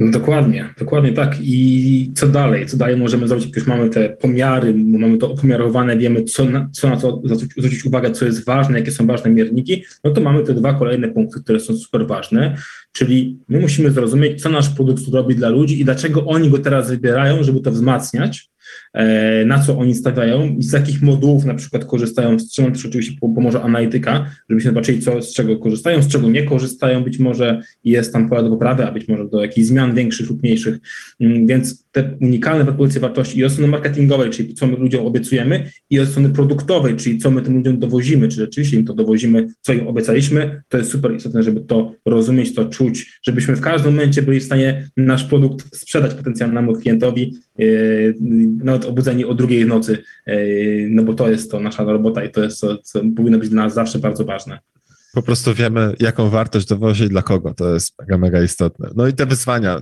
jakie stoją teraz przed produktem, to są te rzeczy, których na przykład użytkownikom teraz brakuje, e, których jeszcze nie dowieźliśmy, które jeszcze e, są tym takim elementem, który jeszcze nas oddziela od tego, żeby dowieść tę te, te realną wartość, która da nam e, przewagę na rynku, czy po prostu po, pozwoli jakby uzyskać chociażby taki product market fit, czyli dopasowanie naszego produktu do rynku, dla którego to tworzymy. Poznanie tych wyzwań, zapisanie tych największych największych wyzwań e, będzie istotne, no bo pod, pod to będziemy budować tak naprawdę przyszły plan rozwoju produktu. Dokładnie. Nasz produkt niczym człowiek trochę jest w jakimś swoim e, okresie, etapie rozwoju, albo jest takim dzidziusiem, który się dopiero urodził i tam szuka tego właśnie product market fitu. Może już jest troszeczkę dojrzalszą osobą i, i gdzieś tam ma już ten product market fit i teraz będziemy go skalować, będzie ten szybki wzrost. Może już jesteśmy takim taką starszą, doświadczonym zespołem i produktem, który już jest trochę na rynku i zaczyna już na przykład e, pojawiają się młodsi konkurenci, którzy są może bardziej, e, bardziej sexy i, i, musimy też o tym wiedzieć, tak? I, i o to zadbać, żeby, żeby wiedzieć, w jakim jesteśmy etapie naszym produktem i co to dla nas oznacza, dla nas, dla nas, product managera i dla nas jako dla zespołu i, i celów, które przed nami stoją. Tak jest. E, warto też dowiedzieć się, jak wyglądało Product Discovery. E, czy w ogóle wyglądało w jakikolwiek sposób, czy było prowadzone? Czyli czy e, była ta, czy był ten proces właśnie odkrywania tego problemu, identyfikacji, takiego głębokiego zrozumienia i potem projektowania jakichś na przykład eksperymentów, które mają zweryfikować to, czy nasze pomysły na produkt mają sens. Jeżeli powstały jakieś artefakty z tego procesu, warto je poznać, przeczytać, do, dogłębnie zrozumieć, przeanalizować i na przykład zaplanować kolejne, kolejne rundy badań z użytkownikami, po to, żeby ten proces od samego początku jakby uznawać za proces ciągły, e, który nie powinien dziać się z jakimiś tam przerwami. Mówimy tutaj o 90 dniach.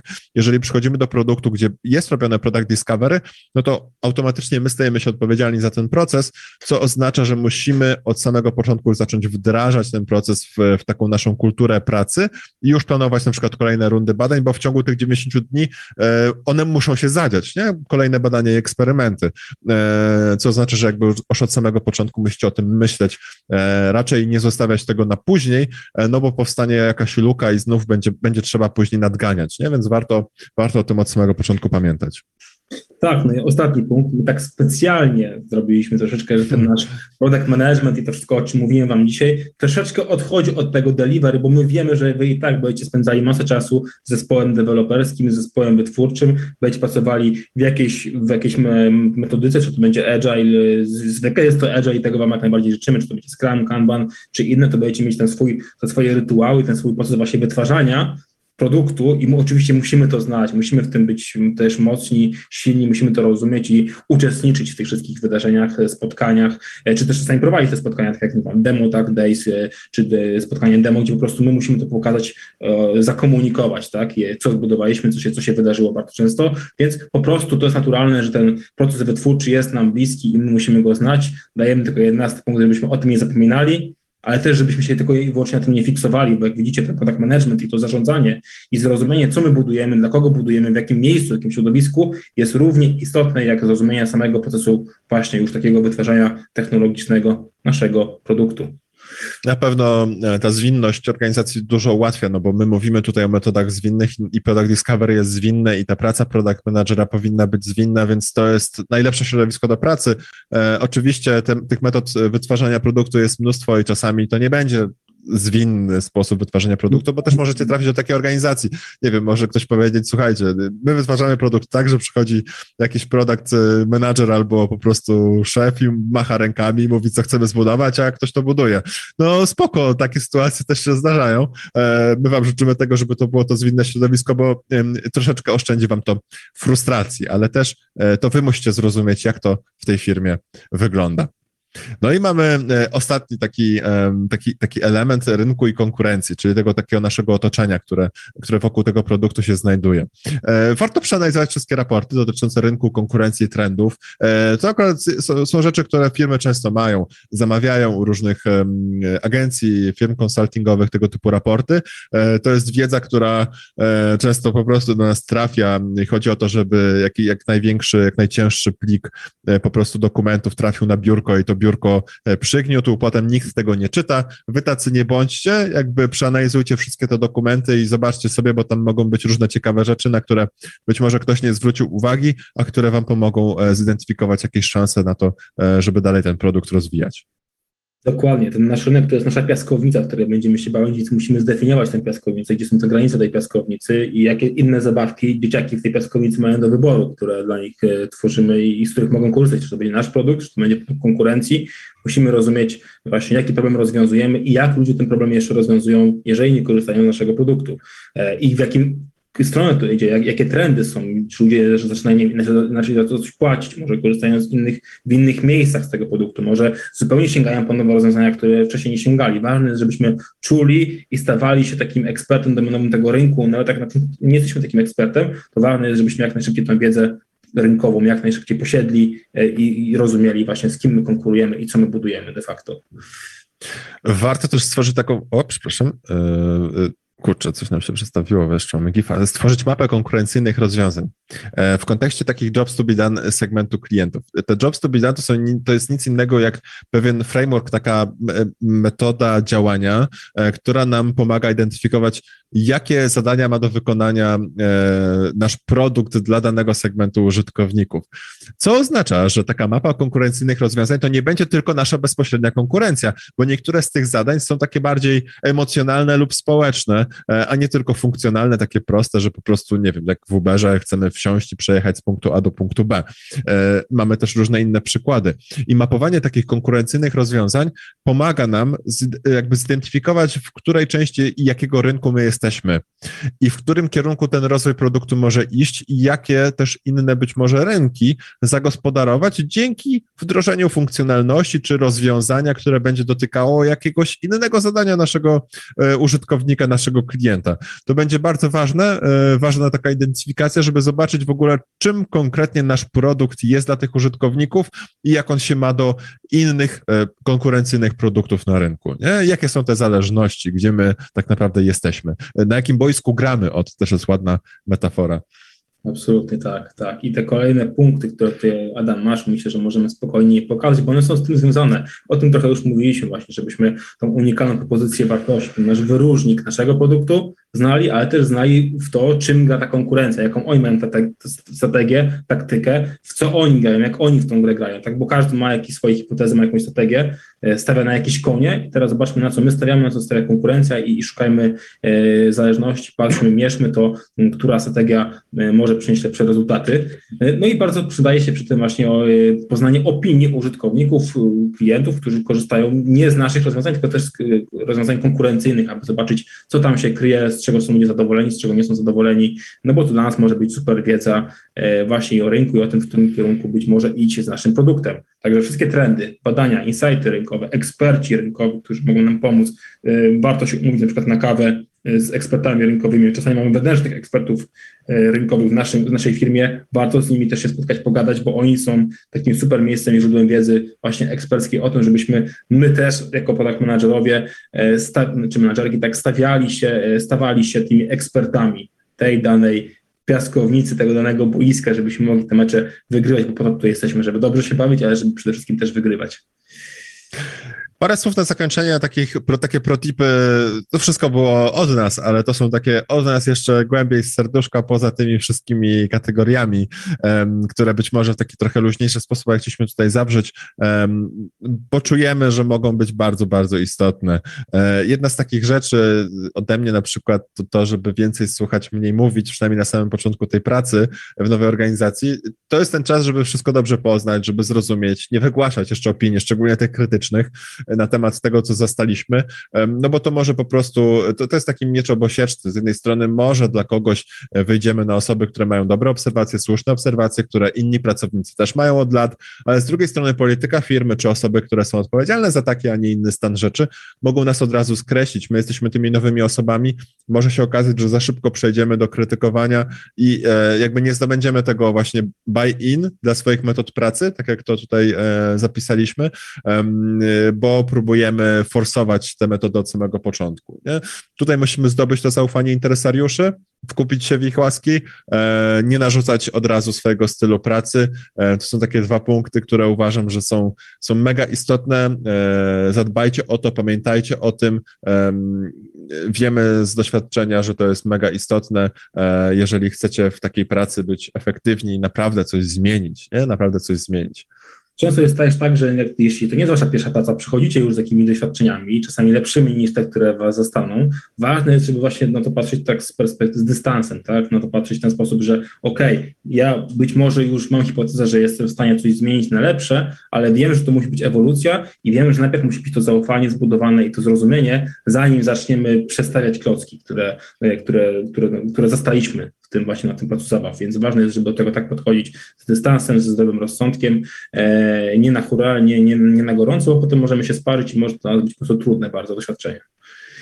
Fajną rzeczą jest zidentyfikowanie takiego pola do takiego pierwszego dużego sukcesu, czyli jakaś taka mała zmiana, która może taki duży impact dla organizacji e, przynieść. E, to będzie taki nasz, nasz taki pierwszy sukces, e, który pomoże zrobić takie dobre wrażenie, tak, i zdobyć takie zaufanie zespołu interesariuszy, bez krytykowania tego, co się dzieje, tylko po prostu przez działanie i zrobienie realnie jakiejś zmiany, która od razu zostanie zauważona. Polecamy Wam, żeby takie, takich małych rzeczy szukać, i po kolei je adresować, bo one mogą taki duży impact przynieść, który zostanie zauważony, e, od razu doceniony, e, pomoże Wam to budować zaufanie. Myślę, że to jest, to jest świetna opcja do tego, żeby rzeczywiście zaistnieć. Absolutnie. Każdy z nas przychodzi, ma jakieś swoje supermoce, tak zwane super skille, które warto właśnie wykorzystać. Niektórzy są lepsi w marketingu, są w stanie coś zoptymalizować, inni od razu widzą jakby pewne zależności e, i mogą dać tam swoją, e, swoje, swoją wiedzę. Mm, są różne sytuacje, tak, czy jakiś proces możemy usprawnić, czy coś może na ścieżce klienta, coś, widzimy coś, co jest teraz na przykład robione bardzo źle i możemy bardzo w prosty sposób to poprawić. Dzięki, te, dzięki temu co? Dzięki temu wszyscy będą wiedzieli, że rzeczywiście daliśmy bardzo szybko jakąś wartość nie? i wykorzystujmy te nasze, te nasze właśnie unikalne skille, tę naszą unikalną wiedzę, te super moce po to, żeby rzeczywiście e, zrobić ten pierwszy taki fajny krok e, i fizycznie pokazać, że jesteśmy odpowiednią osobą na odpowiednim miejscu, dzięki czemu to zaufanie do nas i te nasze e, kolejne rekomendacje będą traktowane w fajny sposób w firmie warto spotykać się z ludźmi poza pracą, o tym już trochę mówiliśmy. My naprawdę to rekomendujemy, e, lubimy te osobiste spotkania, budowanie tych osobistych relacji. E, na koniec w tej całej zabawie chodzi o ludzi.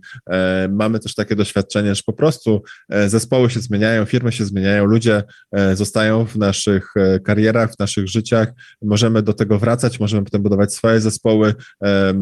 Głupio jest palić mosta, dobrze jest budować te relacje, takie, które będą trwałe na lata, poznawać poznawać też, też ludzi, którzy są kompetentni, którzy mogą wnosić wartość e, dla naszych obecnych i przyszłych zespołów.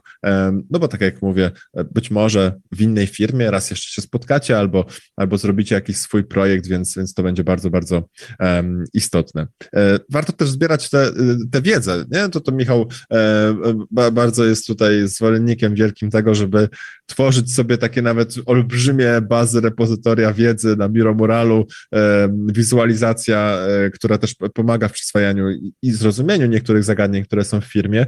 My tworzymy naprawdę bardzo rozbudowane tablice na Miro, rozbudowane Notion. Gdybyście to zobaczyli, to to wygląda jak jakieś plany podboju świata, a to nic innego jak nasze zebrane notatki. Koniec końców musimy zrozumieć, nieważne tylko to, że pozyskamy wiedzę, znaczy informacje to jest jedno, nie? że my ją pozyskamy, będziemy mieć dużo informacji, to jest jedno, ale musimy ją zrozumieć, musimy ją przepracować, więc każda forma tworzenia notatek, podsumowania, jakiejś wizualizacji właśnie, która może nam pomóc jakiś proces zrozumieć, odbić go jeszcze raz od kogoś, z kimś rozmawialiśmy na przykład, tak, żeby sprawdzić, czy dobrze rozumiemy te, te, te rzeczy, te elementy, te procesy, to jest super, super istotne, super ważne, no bo dzięki temu my będziemy rozumieć, a jak będziemy rozumieć, to będziemy mogli to wpływać zmieniać, polepszyć, optymalizować, więc mega Wam polecamy, żeby właśnie zapisywać te rzeczy, tym bardziej, że na początku będziecie często też przytłoczeni tak ilością informacji, ludzi, nawet ja zaczynałem od tego, że robiłem sobie listę ludzi, kto, co, gdzie, tak, jak to wygląda, jak ta struktura wygląda, z czym do kogo przyjść i oficjalnie, i nieoficjalnie. I dopiero później łączyłem jakieś informacje o produkcie, też do, dorysowywałem to, dopisywałem sobie to, no bo to wszystko gdzieś tam musi nam taki obraz mentalny stworzyć w głowie, mm, abyśmy mogli to rozumieć i abyśmy mogli, abyśmy mogli później już zabrać się za chwilę za pracę i, i na to po prostu wpływać tak, jak sobie tego życzymy w codziennej pracy z zespołem i z produktem. Nie, od, nie odpuszczajcie tych tematów, e, nie ma nic złego w zadawaniu pytań, pogłębiajcie swoją wiedzę, e, uczcie się, szkolcie się i też po to, żeby wejść do tej branży product managementu, po to, żeby rozwijać swoje kompetencje. My tutaj jesteśmy też właśnie dlatego, bo chcemy Wam taką wiedzę przekazywać, chcemy Wam pokazać, że to jest fajna ścieżka kariery i że warto w to pójść, warto te kompetencje zdobywać. Teraz przez ostatnią godzinę opowiedzieliśmy Wam o tych, o tych pierwszych 90 dniach, e, jeżeli chodzi o to, co potrzebujemy zrobić, jakie kompetencje potrzebujemy mieć. To nie jest jedyne miejsce oczywiście, w którym się dzielimy wiedzą, więc chcieliśmy Was też zachęcić na, na, na sam koniec tego naszego dzisiejszego spotkania, jeszcze zanim odpowiemy na Wasze wszystkie pytania, wybierzemy najlepsze pytanie w konkursie. Chcieliśmy Wam opowiedzieć o tym, że e, tworzymy też taką akademię dla produktowców, pięciodniowy bootcamp, e, najbardziej rozbudowane w tej chwili szkolenie dla product managerów, przyszłych product managerów, product ownerów, osoby, które chcą e, wejść w ten świat albo rozwijać kompetencje, jeżeli już w tym świecie są. Najbardziej rozbudowany tego typu bootcamp e, w Polsce, pięć dni, e, pięciu fantastycznych trenerów, ponad 40 godzin wiedzy, 80% pracy warsztatowej, 20% teorii, materiały, które dostajecie już potem na zawsze dla siebie i możecie takie warsztaty też w swoich organizacjach prowadzić, bo po prostu dostajecie do tego możliwość. I na zakończenie taki egzamin z certyfikacją, a już wiemy, że te certyfikaty coraz bardziej są doceniane przez pracodawców, również szczególnie te, które gdzieś tam opisują product discovery, bo to też jest taki dosyć, dosyć modny, fajny, e, fajny temat, więc e, chcieliśmy Was zaprosić, jeżeli ktoś z Was chce poszerzyć tę swoją wiedzę produktową albo wejść do tej branży um, i zrobić to w, w, taki skondensowany e, sposób, dostać taką, taką naprawdę fajną pigułkę wiedzy i przez pięć dni przepracować to z fantastycznymi trenerami i jeszcze e, fantastyczniejszymi uczestnikami, którzy się do tej grupy już zbierają, a już kilka mamy fajnych e, zawodników i zawodniczek w tej, w tej grupie, to zapraszamy Was na Product Academy Pro. Tam znajdziecie więcej szczegółów i zapisy. A dodatkowe, dodatkowy materiał plus taki bardzo fajny też wartościowy kod rabatowy na naszą akademię e, dostaniecie e, po wypełnieniu tej ankiety. E, za chwilę też ekipa Just Join IT wyśle na czacie i na YouTubie i na Facebooku link do ankiety po dzisiejszym naszym spotkaniu. Po jej wypełnieniu po pierwsze dostaniecie więcej informacji o naszej akademii, a po drugie link do dysku z materiałami dodatkowymi, czyli ta nasza dzisiejsza checklista, ta nasza dzisiejsza prezentacja plus dodatkowe materiały e, wpadną do Was prosto na maila. Zachęcamy do zostawienia feedbacku. Tak, dokładnie tak. Przygotowaliśmy dla Was też linki do ciekawych artykułów, gdzie możecie sobie pogłębić tę wiedzę, no bo to oczywiście jest też tak, ten temat większy, jeżeli chodzi o te pierwsze 30, 90, 100 dni w roli product managera i tam też te artykuły, filmy, e, linki do, do filmów mogą Wam się przydać, żeby to pogłębić, sobie jeszcze bardziej to uporządkować, więc zachęcamy Was, e, to dobro tam na Was czeka właśnie pod tym linkiem. E, bardzo dziękujemy Wam za to, że nas e, dzisiaj posłuchaliście. E, zachęcamy do tego, żeby tę ankietę wypełnić. No i słuchajcie, cóż, czekamy na Wasze pytania po dzisiejszym dniu, a najlepsze z nich zostanie nagrodzone książką i będziemy za chwilkę czytać te pytania i spróbujemy na wszystkie odpowiedzieć. Super. E, tak jak Adam właśnie wspomniał, e, przechodzimy do pytań. Bardzo Wam dziękuję za tę prezentację. E, była bardzo, bardzo, bardzo, bardzo wnikliwa. Co widać po komentarzach, które wchodzą jeszcze głębiej, więc nie pozostaje nam nic innego jak e, przejść do tych komentarzy i postarać się odpowiedzieć na jak największą liczbę z nich. To co panowie, jesteśmy gotowi? Lecimy. Lecimy, lubię to. Dobra, Radosław Urbaniak pyta odnośnie zespołu. Jak poznaliście się z zespołem w czasach pracy zdalnej? Czy macie jeszcze rady na pierwsze trzy miesiące pracy zdalnej w kontekście poznania się z zespołem? E, Myślę, że trochę o tym już powiedzieliśmy. Mhm. Rzeczywiście e, warto robić te zoomy, warto się widzieć, tak? Nie tylko robić te kole głosowe, ale przede wszystkim te wizualne, żeby te swoje twarze zobaczyć. No i warto właśnie jakieś takie fajne e, aktywności, właśnie gry, gdzie się poznajemy indywidualnie, chociażby ten speed, e, speed dating z fajnymi takimi pytaniami osobistymi sobie, sobie zapodać. To się bardzo przyda, to jest bardzo fajne, więc ja myślę, że to, że to jest chociażby jeden z takich elementów, e, który, który tu możemy zrobić. No to jest trudniejsze, tak? No jak jesteśmy, pracujemy online zdalnie, to zawsze jest trudniej się poznać i, i wyczuć troszeczkę, natomiast ciągle jest to możliwe. Widzieliśmy nawet takie przykłady, że, że osoby były w stanie po szkoleniu na przykład zrobić sobie wieczór integracyjny i każdy otwierał u siebie tak, e, przysłowiowe piwko i, i, i jakieś tam kawały i inne rzeczy wjeżdżały, więc jak najbardziej jest, jest to możliwe e, i myślę, że jak najbardziej też jest I w ogóle, jeżeli macie wpływ na to, e, na przykład na, na, na jakby lokowanie budżetu szkoleniowego, no to w ogóle zorganizowanie szkolenia dla wszystkich członków zespołu produktowego, takiego nawet online, jakichś warsztatów, czy, czy właśnie jakiejś takiej pracy zespołowej, jest w ogóle e, mega fajną, e, fajnym sposobem na integrację, na lepsze poznanie się, bo też dostajecie od razu trenerów, którzy facylitują, nie dość, że ćwiczenia warsztatowe, to często właśnie takie sesje jeszcze integracji, które pozwalają lepiej e, też zrozumieć swoje wspólne takie produktowe kompetencje podczas ćwiczeń. My widzieliśmy i doświadczyliśmy tego, jak zespoły w ten sposób się integrują, bo też dla nowych zespołów mieliśmy okazję takie warsztaty prowadzić i oni wtedy się poznawali i okazywało się, że jest to super sposobem na to, żeby taką pracę e, rozpocząć wspólną. Mhm. Ja się pod tym podpisuję. To co powiedzieliście, my, ja mogę też sprze- sprzedać i podzielić się tym, jak my w Just Join IT Pamiętam za czasów jeszcze tego dużego lockdownu, mieliśmy wigilię i wigilię przeprowadzaliśmy zdalnie na chyba 70 osób, pamiętam i wspólnie gotowaliśmy właśnie na kamerkach Zoom, więc jest to możliwe, jest to niecodzienne, ale jak najbardziej zachęcamy. Yy, I przejdźmy dalej. Adrianna Jóźwik. Mm, Tutaj wydaje mi się było nawiązanie do jednego z waszych y, tipów odnośnie spotkań jeden na jeden. Tutaj Adriana napisała bardzo fajny tip odnośnie spotkań jeden na jeden. Czy spotkaliście się z, kiedyś z niechęcią do takich spotkań? Jak je argumentować osobie wyżej oraz członkom zespołu?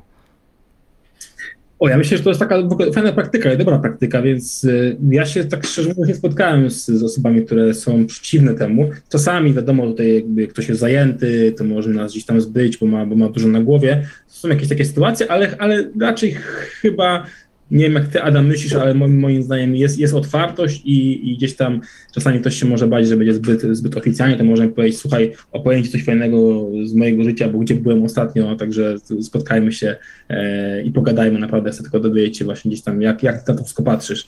Mm, po ludzku takie fajne podejście, myślę, że otwiera Dokładnie. wiele serc i głów. E, Takie, taka, takie mniej formalne podejście po prostu bardzo dużo daje. Em, Tam w tych materiałach dodatkowych po wypełnieniu ankiety, też w linkach, em, pod linkami dostajecie też takie przykładowe pytania, które można wykorzystać na takich em, sesjach jeden na jeden.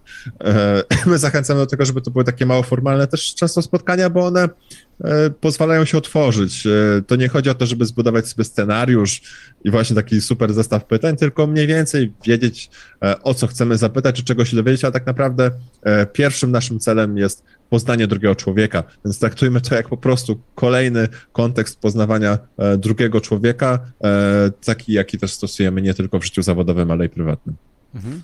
Super. E, Słuchajcie, kolejne pytanie jest od e, użytkownika z YouTube'a, który ma bardzo dynamiczny nick, mianowicie Enduro Adrenalina. Enduro Adrenalina pyta, czy warto, abyśmy sami przetestowali na sobie produkt, jeśli jest taka możliwość, i stwierdzili sami, co było w nim do poprawy? Tak, dokładnie. To jest ten pierwszy punkt, e, jeżeli dotyczący produktu. E, koniecznie przejdźcie przez cały proces jak prawdziwy użytkownik. E, ja nawet czasami dla, jako konsultant dla różnych firm produktowych na przykład sam kupuję produkty danej firmy po to, żeby zobaczyć, jak wygląda ta ścieżka, żeby potem na przykład dać jakiś feedback do tego, żeby wiedzieć, do czego się odnoszę, albo testuję jakiś produkt, który jest produktem cyfrowym. Serio, to jest pierwsza rzecz, jaką, jaką robimy. No. Absolutnie, tak. Podpisuję się pod tym. Super. E, Radka, tutaj kolejne pytanie, mm, bardziej rozbudowane. Jak porównywaliby, porówny, porównalibyście wdrożenie się do firmy, która jest startupem z nowym, niedojrzałym produktem, a wdrożenie w firmie, który produkt jest już dojrzały i ma swoje bolączki? Jakieś plusy, minusy albo jakieś ciemne strony wdrożenia w różnych typach organizacji? Jak byście to ocenili? Tak, no przede wszystkim w startupie y, z samej definicji zwykle te procesy, dokumentacja nie jest tak bogata albo jeszcze nie jest zdefiniowana, więc będziemy musieli więcej porozmawiać, więcej wyczuć niż gdzieś poznać tak oficjalnie tę, tę dokumentację o produkcie, o tym, jak pracujemy. E, jest też trochę inny produkt na innym etapie, więc, więc to jest wszystko bardziej płynne często. Mamy takie mm, bardziej na ogólne cele lub jeszcze szukamy, mamy więcej hipotez niż jeszcze jakichś zdefiniowanych konkretnych mierników sukcesu. No a w dużej organizacji zwykle jest więcej powiązań, trochę więcej polityki, więcej spotkań, więcej osób. Ta odpowiedzialność jest bardziej rozczłonkowana, nie jest tak jak w mniejszych firmach, że jest jedna osoba, która odpowiada za jakiś duży obszar, tylko każdy ma jakiś troszeczkę mniejszy obszar, więc trochę trudniej i dłużej czasami się to wszystko wdraża, do tego podchodzi, e, więc to są tylko i wyłącznie też te, te, te zależności i, i, każdy z nas ma jakąś taką pewnie swoją wewnętrzną e, gdzieś tam e, taką potrzebę do tego, żeby wybrać, czy chce iść w startup, czy chce iść w dużą organizację, no bo one rzeczywiście są specyficzne i trzeba tę specyfikę gdzieś tam znać i wyczuwać, czy się dobrze czujemy w małej firmie, która jeszcze się buduje i się definiuje, czy raczej dużej organizacji, która już jest mocno zdefiniowana i tam mniej będziemy mogli pewnie zmienić, ale jest to, jest to wszystko bardziej poukładane. Mm, tak, ja też jak miał wymienić największy, e, to będzie jednocześnie e, to, co jest plusem w jednej, będzie minusem w drugiej, dlatego w przypadku dużych organizacji e, takie dwie rzeczy, które bym wymienił. Największy plus to jest ilość danych na temat produktu, które mamy dostępne, analityki, użytkowników, klientów, czyli ta taka baza, z której możemy czerpać i poznawać. Największym minusem właśnie to, co powiedział Michał, czyli ta polityka powiązania, pewne rzeczy, które są takie poza, pozaproduktowe, ale bardzo silnie wpływają na naszą pracę taką codzienną, zawodową. No i tak jak mówię, to, co jest tutaj największym plusem i minusem, analogicznie odwrotnie będzie, będzie w startupie. Tutaj mówiłem o, o takiej większej organizacji. Okej, okay, e, dzięki. To było bardziej głębokie pytanie. Teraz pójdziemy troszeczkę w Wasze doświadczenia i, i, i właściwie w luźne pytanie. Mianowicie Ania pyta, czy pamiętacie, jakie popełniliście fakapy na początku swojej kariery, które obecnie wydają wam się trywialne i zabawne, a wtedy czuliście dres zażenowania i poziom kortyzolu sięgał u was zenitu? Hmm, dobre pytanie. E, ja myślę, że na początku, powiedzmy, product managerowie, świeżaki product managerowie czy menadżerki mogą mieć dosyć wysokie ego i mogą, może im się wydawać, że oni już wiedzą, jak coś powinno wyglądać. Potem jest takie zdarzenie z użytkownikiem, a ten użytkownik zupełnie inaczej to patrzy. Nie? I jeśli zbyt, y, zbyt kozacko wyjdziemy z jakimś pomysłem, powiemy, jesteśmy na, na 100% pewni, że tak, tak musi być, że coś się poprawi, jak wdrożymy, zbudujemy ten fantastyczny feature, ten moduł, okazuje się, że zupełnie tak nie jest, no to, no to warto o tym pamiętać, żeby rzeczywiście e, to, to ego gdzieś tam trzymać w kieszeni i mieć ten zdrowy rozsądek, zachować go, bo na początku czasami mi się wydaje, że wszystko wiemy, a, a potem się okazuje, że rzeczywiście hmm. nie wiemy zbyt wiele. To taki hmm. Z mojej strony, cho choć to nie jest coś, co, na co teraz bym się uśmiechnął, jakby teraz tak samo e, zgrzytam nad tym zębami jak kiedyś i chyba ciężko mi jest powiedzieć, bo to jakby musiało być naprawdę coś małego, żeby teraz się uśmiechnąć, powiedzieć haha, ale tak w sumie to, to było dosyć grube i nadal, nadal jest z mojej perspektywy, no to jest przekładanie na przykład e, procesów i pomysłów, które działały w innej, w innej branży, być może w innym produkcie, a to było wynikiem naszego doświadczenia, e, do czegoś nowego, z takim jakby poczuciem pewności, że to raczej powinno zadziałać. E, potem się okazuje, że, że nie działa, a być może my przez to tracimy sporo czasu tak, i energii na, na zrobienie czegoś, e, a tego czasu nie da się cofnąć i konsekwencje tego mogą być, mogą być też spore, e, bo po prostu nam się coś wydawało, tak, a, a nie poznaliśmy dogłębnie tego, tego produktu, dlatego tak wielokrotnie dzisiaj powtarzaliśmy, żeby, żeby ten produkt poznać, żeby raczej E, nie bazować na skrawkach informacji, bo za rogiem może się kryć coś, coś naprawdę grubego, co nam wywróci naszą intuicję i doświadczenie do góry nogami. Mhm, jasne. Można powiedzieć, że takie te niebezpieczeństwa chyba nie tylko u początkujących y, tutaj product managerów, to chyba trzeba ciągle na to uważać i, i ciągle mieć oczy z tyłu głowy, jeżeli chodzi o ten temat. Przejdźmy do innego pytania. Marzena pyta. Jak mo- o, to też jest ciekawe. Jak moglibyście opisać swój standardowy dzień pracy? Od czego zaczynacie i na czym się skupiacie? No to Oliver, możemy już zaplanować kolejny webinar pewnie na ten temat. 8 Tak, godzin, było 90 dni pierwsze, teraz pierwsze 8 godzin robimy po prostu. 8 godzin. E, tak. No każdy to troszeczkę ma inaczej, nie? Bo my budujemy nawyki, zawsze mamy jakieś nawyki zbudowane. Na pewno to jest y, synchro z zespołem, na pewno to jest sprawdzenie stanu, co się dzieje w naszym produkcie, czy to w od strony analitycznej, czy to od strony jakichś potencjalnych, nie wiem, awarii, notyfikacji, fuck-upów, które mogą się wydarzyć. E, To to jest taki, taki, taki zwykły standardowy przegląd. No potem dzień product managera to są zwykle spotkania, to jest, to jest gdzieś tam analiza, to są rozmowy z użytkownikami, um, rozmowy z naszymi klientami, ze stakeholderami, z szefami, no i też wsparcie takie codzienne, doraźne zespołu, czy to, czy to e, współpraca z projektantami, czy to współpraca z zespołem deweloperskim, to jest bardzo, bardzo różne, no nie ma jednego e, standardowego flow, czy jakiegoś frameworku e, pracy product managera. No ja się pod tym podpisuję, jedyne co, e, co mogę jeszcze zaznaczyć, na- jak na przykład nie wygląda ta praca, no bo nam się wydaje, że my na przykład jak produkt cyfrowy budujemy, to my tam siedzimy z tymi deweloperami, nie wiem, piszemy ten kod z nimi czy coś, E, a jest taki śmieszny nawet e, gif, czy, czy taki mem, który gdzieś tam powstał, jak wygląda praca product managera i tam jest taki gościu, który jakby są ludzie, którzy przenoszą takie, takie worki tam, tam z jakimś cementem i jest taki gościu, który po prostu im tam bije brawo, kibicuje i tak gdzieś tam ich ściska, ale nie, ale, nie, ale nie nosi tych worków. No to to jest właśnie taki product manager i deweloperzy. Deweloperzy niosą te worki, a my tak trochę im kibicujemy, nie? Więc y, y, jakby pamiętajcie o tym, że, że sama nawet praca nad, nad produktami cyfrowymi i bycie blisko tych deweloperów też nie oznacza, że jakby tak e, fizycznie bardzo mocno będziemy im pomagać, e, ale na pewno powinniśmy być tymi osobami, które mocno kibicują. Musimy E, mieć czas na spotkania, musimy mieć czas na analizę, na rozmowy z ludźmi, ale też musimy mieć czas na myślenie, na to, żeby przeanalizować i, i rzeczywiście mieć taką przestrzeń na to myślenie, żebyśmy tylko nie biegali, jak wiecie, jak te kurczaki z uciętymi głowami, tylko żebyśmy rzeczywiście e, strategicznie do tego podchodzili ze zdrowym rozsądkiem i, i wiedzieli, w którą stronę chcemy iść de facto. Mhm. Tak jest. Czyli czas na rozmowę, czas na analizę i oczywiście czas na występ na webinarze e, w czwartek. E, tutaj. Oczywiście, ale to już wieczorami e, w ramach przy, przyjemności już tutaj. Tak, tak. Z wami szczególnie z ekipą Just Join IT.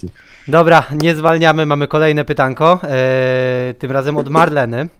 Czy metryki produktowe tworzone w, są w ramach organizacji, czy dane zbierane są przez zewnętrzne narzędzia? Mam na myśli na przykład wykorzystanie Google Analytics w przypadku aplikacji webowych. Czy, pole, czy polecacie jakieś narzędzie zewnętrzne do analiz? Wow. Y, E, poruszamy na Akademii Produktowej, zresztą jako dział, jako moduł analityka produktowa, e, bo on jest super ważny i e, słuchaj Marlena, no to wygląda tak, że to w zależności znowu od tego, jaki mamy produkt, tak? Google Analytics jest spoko na przykład, nie wiem, przy e-commerce, ale generalnie metryki produktowe mierzymy rzeczywiście trochę inaczej. Mamy do tego dedykowane narzędzia, takie jak, nie wiem, Kissmetrics, jak Mixpanel, jak Amplitude, z których możecie korzy- możemy korzystać, żeby te e, zachowania użytkowników badać w sposób odpowiedni. E, wiadomo, to zależy też od tego, jak, jakim jesteśmy product managerem, czy mamy sami takie skille, że potrafimy się tam posługiwać tym narzędziem, e, tworzyć eventy, konfigurować, czy też mamy analityka do pomocy bardzo często, czy też UX-a, który jest, my możemy mieć takie kompetencje. To bardzo, bardzo różnie wygląda. Narzędzia też są bardzo różne. E, na pewno polecamy, żeby mieć jakieś narzędzie, żeby mieć to zdefiniowane, przegadane z zespołem, bo to jest klucz. Często jest tak, że mierzymy wszystko i nie wiemy, co jest ważne. A ważne jest to, żeby mierzyć kilka rzeczy, ale te, które mają rzeczywiście wpływ na wartość, które rzeczywiście mierzą wartość i jakby wpływ na naszych użytkowników, a nie, a nie, a nie wszystko, bo nie wszystko ma znaczenie i, i ważne, żeby o tym pamiętać i żeby zespołem to sobie ustalać tak naprawdę. A narzędzia to jest już temat drugorzędny i co firma to, to trochę inne rozwiązania. Podpisuję się w 100% pod to. Nie mam nic do dodania. Tak, Nic. rozumiem. E, o, Adrianna teraz wrzuca kij w mrowisko trochę, wydaje mi się, bo temat rzeka. E, Mhm. Zastanawiam się, co o tym sądzicie. Czy często zdarzało się wam, że biznes uważał za wartości produktu, usługi jedno, a designerzy zupełnie co innego? Co sądzicie? To się to się zdarza mega często i, i, i powstają jakieś tam kon, kon, konflikty, to może jest dużo słowo, ale pewne, pewne tarcia między właśnie biznesem i designerami. E, też my doświadczyliśmy tego, że designerzy mają całkiem duże ego często e, i często patrzą na przykład mniej pokornie niż product managerowie. Trochę jest tak, że trawa jest zawsze bardziej zielona u sąsiada, więc na przykład designerzy uważają, że mają mniejszą decyzyjność niż product managerowie. E, product managerowie wtedy się z tego śmieją, mówią, słuchajcie, już mamy stakeholderów, zarząd i też oni nam często mówią, co mamy robić. W związku z tym, jeżeli chodzi o takie spojrzenie biznesowe, no to często może się zdarzyć tak, że e, będzie dochodziło do jakiegoś tam e, konfliktu. My jesteśmy za tym, żeby takie po, po, podstawą w ogóle do decydowania o takich celach biznesowych to było y, biznesowych i produktowych, bo pamiętajcie o tym, że oprócz tego, że mamy cele biznesowe, mamy też cele produktowe. E, tych produktowych jest takie product trio. E, oczywiście to trio może stać się jakimś tam kwartetem, czy, czy jakąś większą oczywiście liczbą osób, czyli product manager, e, jakiś tech lead i designer. E, I raczej powinniśmy razem e, takie rzeczy wypracowywać e, i być w tym po prostu razem, żeby nie tworzyć takich sztucznych podziałów, sztucznych silosów i konfliktów, bo e, na sam koniec zależy nam na tym samym. To, co jest e, trudne zawsze, nawet jeżeli mamy to, ten, ten taki alignment tego product trio, to jest przełożenie celów biznesowych na cele produktowe. Menadżerowie musimy łączyć te linie. Nie? Nasi szkoły coś czegoś są, ale musimy umieć im to też wytłumaczyć, że jeśli my chcemy osiągnąć jakiś nie wiem, sukces pod tytułem zarobić więcej kasy, no to musimy dać wartość temu użytkownikowi, żeby on chciał tą kasę u nas wydać. Nie? Tak samo designerzy, mi się wydaje, i, i ludzie od technologii, wszyscy razem mamy jakiś głos i musimy szukać właśnie jako product managerowie tego wspólnego zrozumienia, wspólnej definicji tego, co my powinniśmy zbudować, żeby wszyscy byli zadowoleni, żebyśmy szli w dobrym kierunku kierunku, nie? To jest nasza rola, to jest trudność, trudność tej roli, ale też to jest ten cały piękno tej roli, że, że możemy, możemy te, te, te wszystkie e, strony gdzieś tam łączyć i próbować definiować wspólne drogi. Super. E, czyli niekończąca się opowieść tak naprawdę. No, tak. zawsze to E, będzie to- się działo. Tak, oczywiście. No, dokładnie. Karo... A tak, Karolina pyta, e, też bardzo ciekawe pytanie. W jaki sposób poszukiwać uzasadnienia rozwoju produktu w sytuacji, kiedy zespół nie jest przekonany o jego zasadności, a produkt jest tylko, w cudzysłowie, wymysłem klienta? Mhm. E, no to o tym jest Product Discovery. O tym jest właśnie Product Discovery, e, czyli e, z jednej strony mówimy o tym, jak znaleźć właśnie te, te dowody czy te argumenty za tym, że taki, a nie inny kierunek rozwoju jest, jest dobry. Jak to robimy? No za pomocą odnajdywania dowodów w badaniach z użytkownikami i za pomocą eksperymentów, które mają weryfikować nasze pomysły. Nie ma nic cenniejszego, jeżeli chodzi o dowody na to, w którym kierunku powinniśmy pójść. E, To jest nic innego jak odrzucenie tego ego i intuicji i wejście w, w system pracy oparty na, e, na prawdziwych informacjach, na dowodach, e, właśnie od użytkowników, czy z rynku, czy, czy właśnie z eksperymentów. E, Jest to trudne, szczególnie w organizacji, która jest taka bardziej intuition driven albo po prostu decydują hipcie tak zwane, czyli nie wiem, osoby, które mają największe, największe pensje w pokoju lub po prostu są, są gdzieś tam w zarządzie i mają swoje pomysły, albo jest to klient naszego software house'u, któremu wydaje się, że wymyślił e, kolejny, kolejnego jakiegoś Ubera, czy, czy coś niesamowitego, co ma zmienić świat, a tak naprawdę e, widzimy, że być może nie ma do końca racji. E, Fajnie jest mieć te kompetencje Product Discovery, żeby uargumentować prawdziwymi dowodami, że być może ta intuicja nie jest do końca dobra i naprostować go na taki prawidłowy, dobry kierunek. Mhm. Michale, dodałbyś coś, czy podpisujesz się? Ja się podpisuję, tak. e, Karolina, jak coś dawaj nam znać też na na wiadomości e, prywatnej. My też rozmawiamy często i z software house'ami właśnie i z różnymi takimi e, menadżerami, którzy mają takie problemy, więc z chęcią jakby pogłębimy to, a to jest temat po prostu na duże kilka. Mhm. To już Tak mamy jest. tematy na kolejne sześć odcinków na razie przy tej sekcji Q&A. Podoba mi się to. E, W takim razie e, dwa ostatnie pytanka od Marzeny. E, Marzena ma jedno pytanie pierwsze. Jesteście przeciwnikami Waterfallu? A jak moglibyście wskazać z waszego, do, to jest dalsza część pytania, a jak moglibyście wskazać z waszego doświadczenia minusy takiego procesu wytwórczego? Co o tym sądzicie? Bo Waterfall to jest super ryzyko, nie? bo Waterfall to jest takie projektowe, takie, takie, takie, taka praca, gdzie coś sobie wymyślamy, czasami tego nie sprawdzamy długo trwa, zanim to nas na końcu zbudujemy i jest duże ryzyko, takie mniej więcej 95%, to co zbudujemy, wydamy na to pół bańki, y, pół roku pracy, będzie po prostu nietrafione, niepotrzebne. A dzięki e, zwinności, dzięki temu, że pracujemy w sposób zwinny, możemy małymi fragmentami dowozić szybko tą wartość do użytkownika, zderzać się z tymi ludźmi i patrzeć, jak oni reagują, czy to jest wartościowe, czy to nie jest wartościowe, uczyć się, w którą stronę pójść, żeby to właśnie dawało, robiło to, po co ludzie nas zatrudnili, po co, po to sięgnęli w pierwszej kolejności, więc ten, ten waterfall to jest po prostu duże ryzyko e, i, i, i mało tej pętli takiej zwrotnej uczenia się, tak, czyli buduj, buduj mierz, ucz się, która jest jakby podstawą do tego, żebyśmy budowali coś, czego ludzie chcą, potrzebują, to co nam zapłacą i naszemu biznesowi zapłacą, więc... Zobaczcie sobie, jak wygląda dzisiejszy świat. Y, to, to, to jest jakby namacalne. My żyjemy w tak szybko zmieniającym się świecie, tak niepewnym, że nawet na takim przykładzie COVID-u i tego, i pandemii, lockdownów i tego, jak zmienił się ten nasz świat cyfrowy, jeżeli ktoś przed COVID-em zaczął budować jakieś rozwiązanie nie do końca dopasowane do tej sytuacji pandemicznej w sposób waterfallowy e, i na przykład y, to delivery było zaplanowane, nie wiem, na, na, na, na chociażby koniec 2020 roku, a rozpoczęło się gdzieś tam pod koniec 2019 roku, no to zastanówcie się, ile z tych planów zostało jeszcze później, nie? E, jeżeli tak byłoby, takie podejście byłoby stosowane, to jak dużo by, bylibyśmy w stanie się nauczyć podczas tego procesu, jeżeli to jest e, jeden projekt, który ma swój początek i koniec, a, a ta nauka dopiero będzie po tym, jak to zostanie zbudowane, czyli już na ten sam koniec. No, my potrzebujemy tej zwinności, iteracyjności, potrzebujemy uczyć się szybciej, a, a to nam zapewniają e, te zwinne metodyki pracy nad, nad wytwarzaniem produktów cyfrowych i jesteśmy mega, mega zwolennikami e, właśnie takich. Mhm. Dobra. Ostatnie pytanie, też od Marzeny, bardziej filozoficzne. Jeśli możecie się podzielić, jak radzić sobie z porażką i jak radzić sobie z sukcesem w kontekście product managementu?